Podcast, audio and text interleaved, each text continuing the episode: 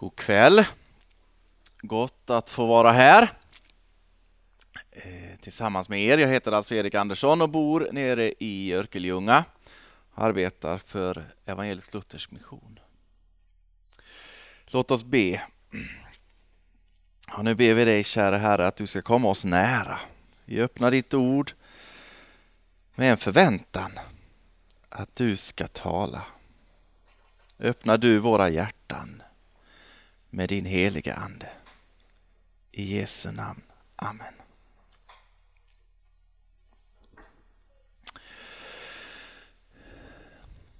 Max Lundgren. Han föddes 1937. Han tillbringade en del av sin barndoms somrar i Åsjunga och han blev författare och skrev han skrev många böcker. Men han skrev en som hette Pojken med guldbyxorna. 1967 kom den och den blev tv-serie på 70-talet och den blev långfilm för ett par år sedan. Pojken med guldbyxorna, det är berättelsen om Mats Nilsson som hittar ett par byxor och när han sticker handen i högerfickan så drar han upp en sedel. Och så sticker han ner handen igen och drar upp en till och en till och en till. Byxornas rikedom tar inte slut. Och Mats kan köpa allt han vill, göra allt han vill utan arbete eller bekymmer. Max Lundgren, han får i, i Pojken med guldbyxorna fatt i en längtan som ligger djupt inne i människan. Längtan efter brunnen som inte sinar, maten som inte tar slut, ungdomen som inte övergår i ålderdom, hönan som inte slutar värpa, bensintanken vars mätare aldrig står över på rött. Jag vet inte just hur den här längtan ser ut i dig och för dig. För den finns i många, i många versioner. Det kanske är en längtan efter att inte behöva oroa dig för dina barn. Eller en längtan efter ett arbete. Eller kanske längtan efter att slippa arbetet och slippa väckarklockor för resten av livet. Men gemensamt för längtan efter, efter guldbyxorna, om vi kan bunta ihop dem så, så är det en längtan efter någonting som du tänker skulle göra ditt liv nästan bekymmersfritt. Det skulle göra ditt liv så mycket enklare, så mycket bättre. Och det skulle bara finnas lite lyxproblem kvar. Alltså frågor som, ska jag lägga karré eller filé på grillen? I övrigt skulle det vara löst. Det är den längtan som en del har förstått och gjort, gjort business av. Det är den längtan som uh, det är längtan efter trissvinsten. Att vinna 100 000 kronor i månaden i 25 år. Varje månad in på kontot, kaching. Och den längtan, den verkar finnas i människan genom alla tider. Och den längtan fanns hos dem som kom till Jesus och frågade i Johannes 6 och jag läser från vers 30. Då sa de till honom Vad gör du då för tecken så att vi kan se det och tro på dig? Vad kan du göra? Våra fäder fick manna i öknen som det står skrivet. Han gav dem bröd från himlen att äta. Jesus sa till dem, jag säger er sanningen, det var inte Mose som gav er brödet från himlen. Det är min far som ger det sanna brödet från himlen. Guds bröd är det som kommer ner från himlen och ger världen liv. Då sa de till honom, Herre ge oss alltid det brödet. Jesus svarade, jag är livets bröd. Den som kommer till mig ska aldrig hungra och den som tror på mig ska aldrig någonsin törsta. Men som jag har sagt er, ni har sett mig och tror ändå inte. Alla som Fadern ger mig kommer till mig och den som kommer till mig ska jag aldrig visa bort. Jag har inte kommit ner från himlen för att göra min egen vilja utan hans vilja som har sänt mig. Att jag inte ska förlora någon enda av alla dem som han har gett mig utan låta dem uppstå på den yttersta dagen. Ja, detta är min fars vilja, att var och en som ser sonen och tror på honom ska ha evigt liv och jag ska låta honom uppstå på den yttersta dagen.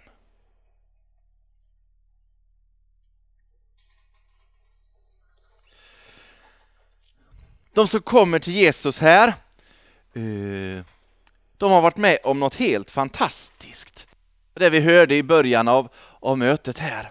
Dagen de varit på andra sidan sjön, Genesarets sjö, det är i norra delen av Israel. Och de hade sett Jesus tacka Gud för några bröd och ett par fiskar. Och sen hade bröden brutits och brutits gång på gång utan att slut. Och fiskarna hade delats och delats och delats om igen.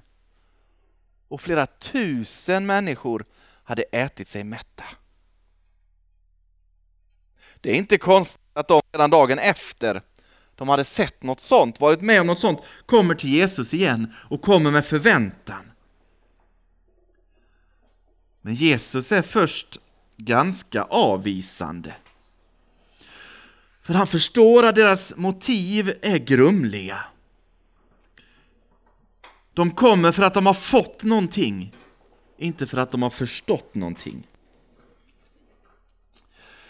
Jag hörde en, en pastor i Peru, vi fick jobba där några år, predika över den här texten, över det här, eller över det här brödundret vid sjön. Och för honom var inte det fantastiska att Jesus kunde ge mat åt så många, utan att han gjorde det utan att ta betalt. Vi har olika perspektiv.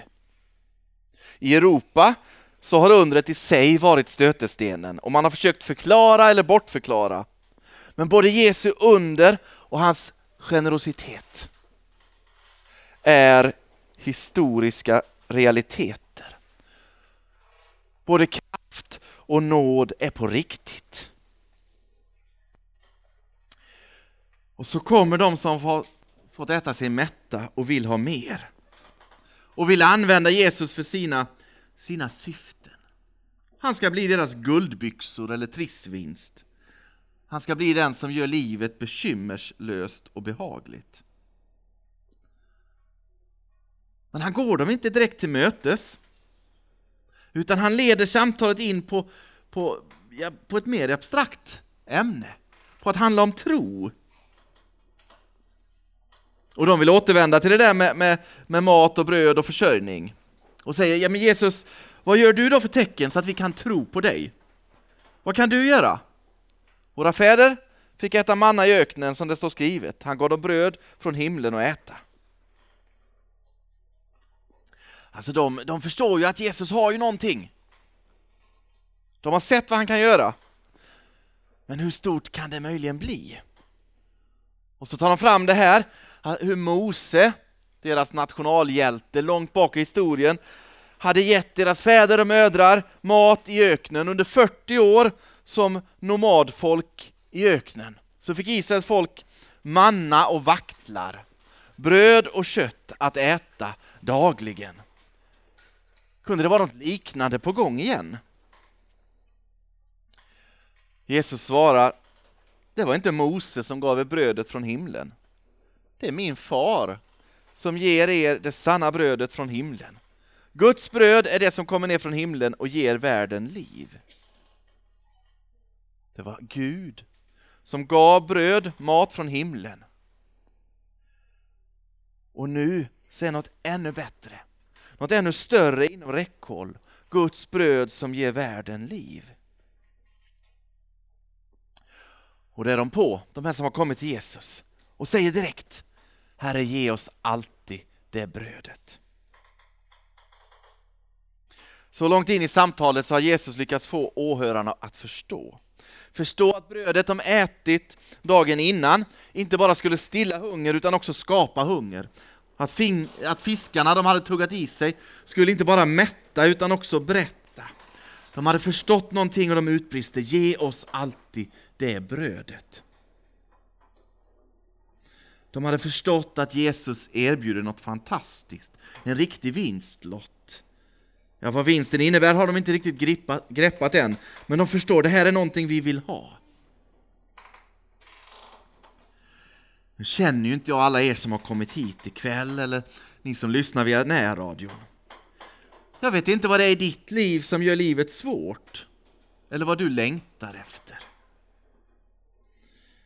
Men jag tror att de allra flesta, kanske alla människor, längtar. Längtar efter befrielse från vissa saker eller tillstånd. Du kanske brottas med ekonomiska bekymmer och ska ge vad som helst för att slippa bekymra dig för att det är tomt på kontot. Du kanske är sjuk eller orolig för att vara sjuk. Eller kanske är det en relation som inte fungerar. Tänk om vi bara kunde hitta tillbaka till när vår relation var så där enkel, hjärtlig och tillitsfull.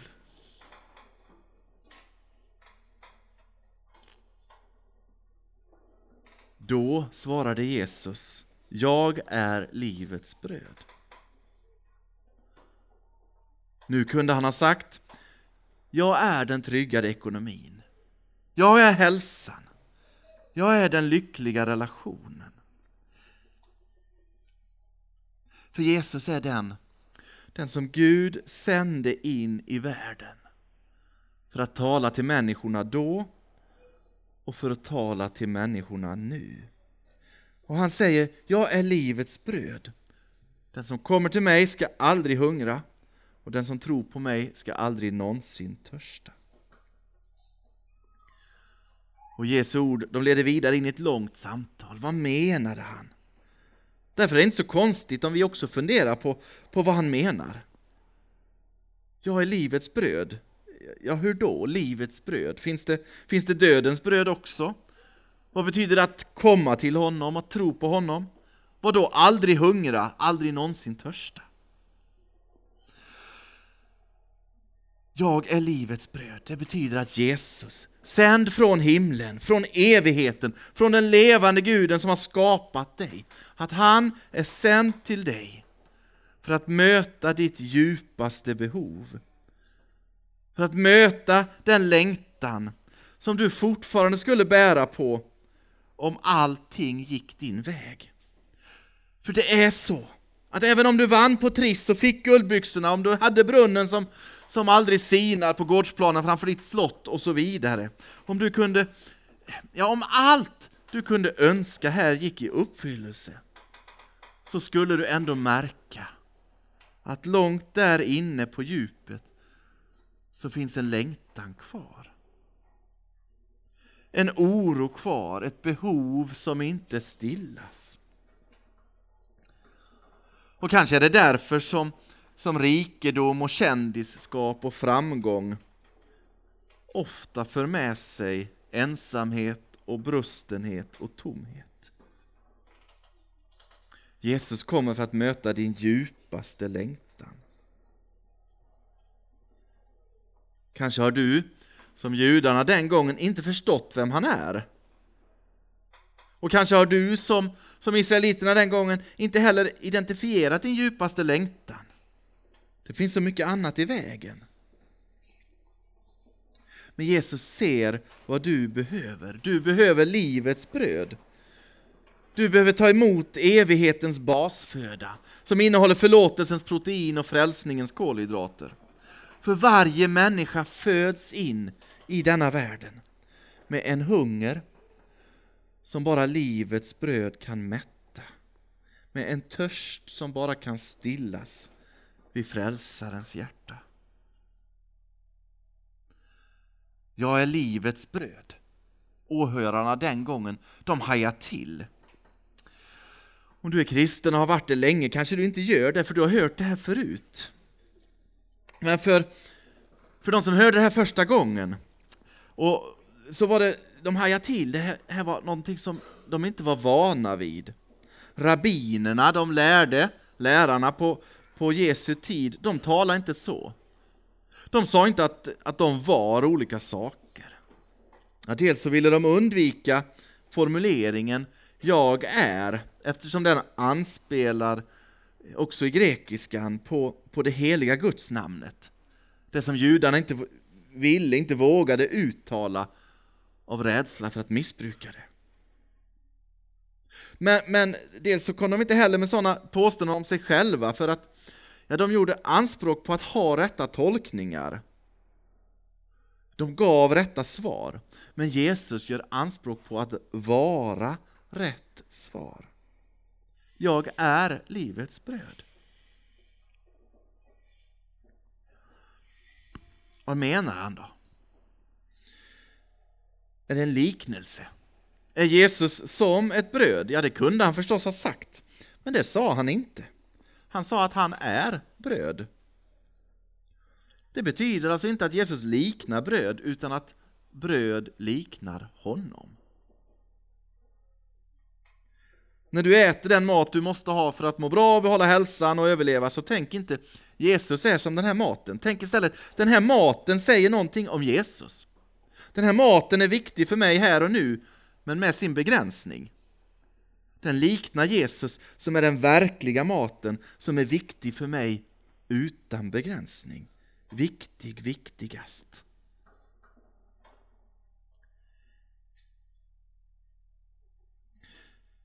Men då kan man ju fundera, bryr sig då Jesus bara om mitt djupaste behov? Om jag liksom själv inte ens har sett det behovet?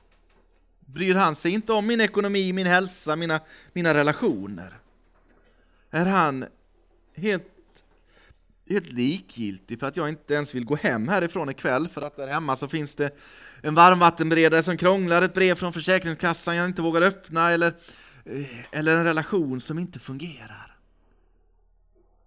Är han likgiltig för det? Kära vän, kära syster, kära bror. Det finns ingenting, ingenting i ditt liv som Gud inte bryr sig om.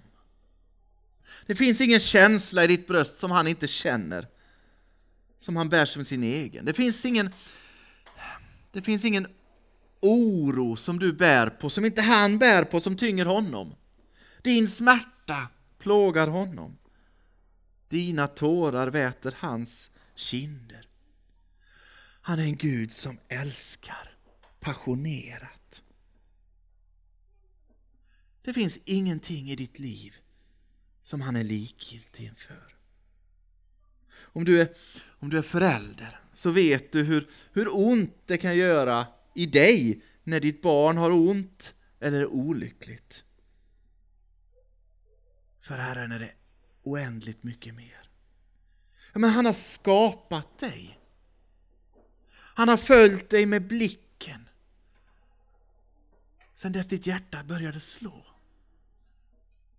Han har vid varje val du har gjort önskat och hoppats på att du skulle välja rätt. Och varje sak som drabbar dig drabbar honom. Han älskar dig passionerat. Och det finns ingenting han inte vill ge dig. Det finns ingen bön han inte hör. Det finns inget behov som inte berör honom. Så fortsätt be honom om allt. Och när du går hem här ikväll, härifrån ikväll, så vet att han följer varje steg.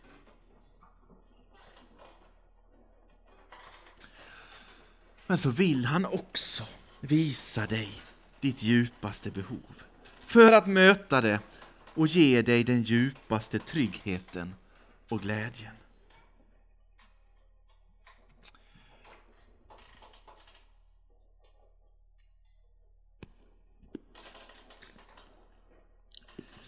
Tänk dig att du ser en film om Titanic. Och i filmen så får du följa en person på resan till Amerika. Vi kan kalla personen för, för Erik. Och han har stora förhoppningar på den här resan. Men samtidigt är han bekymrad för han har inte tillräckligt med kläder. Och redan första kvällen ombord så spiller han dessutom sås på kavajen. Och så kretsar filmen kring hur Erik ska få kavajen ren igen. För honom är det så viktigt, för på kajen i New York så väntar hans fästmö. Tänk om hon inte vill ha honom om han har en fläck på sina kläder när han kommer. Jag skulle känna mig mer och mer obekväm om jag såg en sån film. Titanic eller för all delen kunde utspela sig i Pompeji i början av augusti år 79. Eller i Pearl Harbor första veckan i december 41. Alltså, huvudpersonens perspektiv är så mycket mindre än vi, än vårt som ser filmen. Och vi vet att det han upplever, Erik där ombord på båten, eh, det han upplever som ett stort bekymmer, det överskuggas helt av ett annat. Ja, men Titanic styr och är på väg mot isberget, mot undergången. Och om Erik överhuvudtaget kommer fram till New York så kommer han i alla fall inte längre ha en tanke på sina kläder.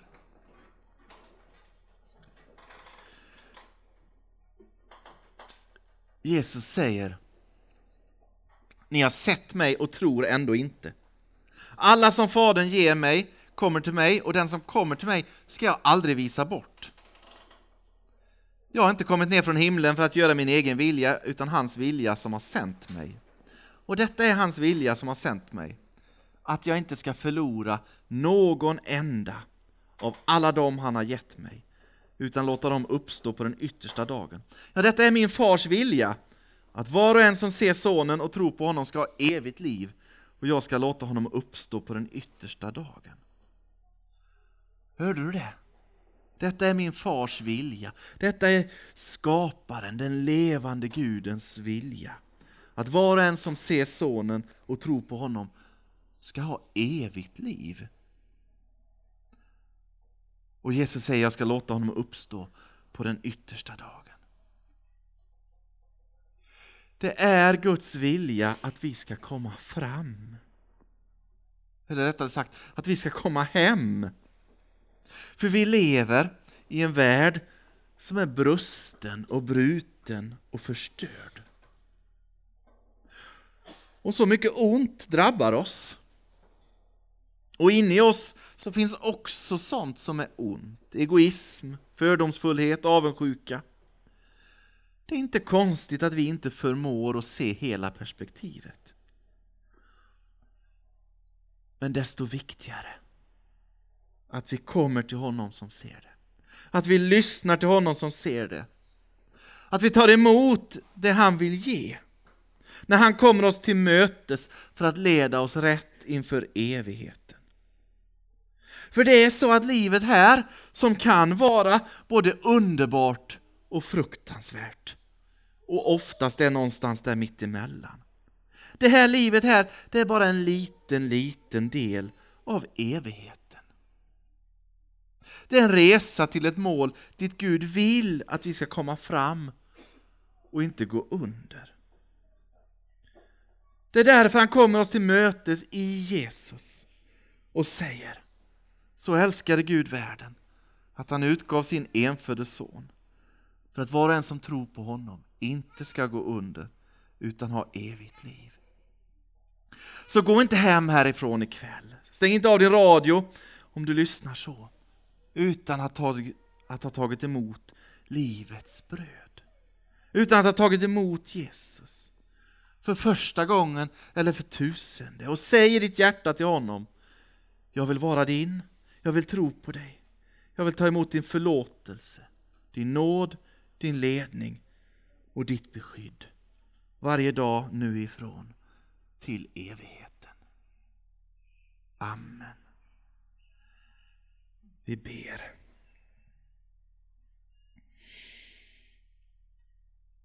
Ja, Herre, du känner oss utan och innan. Och du känner oss på djupet på ett sätt som vi inte ens själva gör. Och du ser att långt där inne så finns längtan hem. Längtan efter dig. För att du är den som har gett oss livet. Du har skapat oss. Och du älskar oss. Men så ser du att vad vi än själva gör av den här längtan så söker vi på fel ställen. Vi söker tillfredsställelse i pengar, i, i arbete, i relationer och i allting annat. Herre. Vi förmår inte att rikta oss mot dig och vi svälter i vårt överflöd. Tack för att du sänder din son. Tack Jesus för att du kom. Du som är livets bröd, som kan mätta här och för evigheten. Tack för att du räcker oss förlåtelse, nåd och evigt liv. Hjälp oss du med din heliga Ande att ta emot det du vill ge.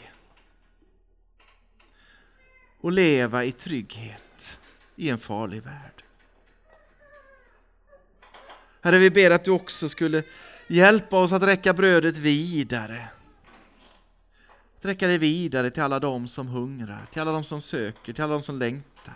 Och till alla de som bara vänt i ryggen och lever för sig själva. De behöver alla ditt bröd. De behöver alla dig. Låt oss inte missa något tillfälle att peka på dig. Så att ännu en, ännu en, ännu en kan räddas från att gå under och räddas till evigt liv. Vi ber om allt i ditt namn Jesus. Amen.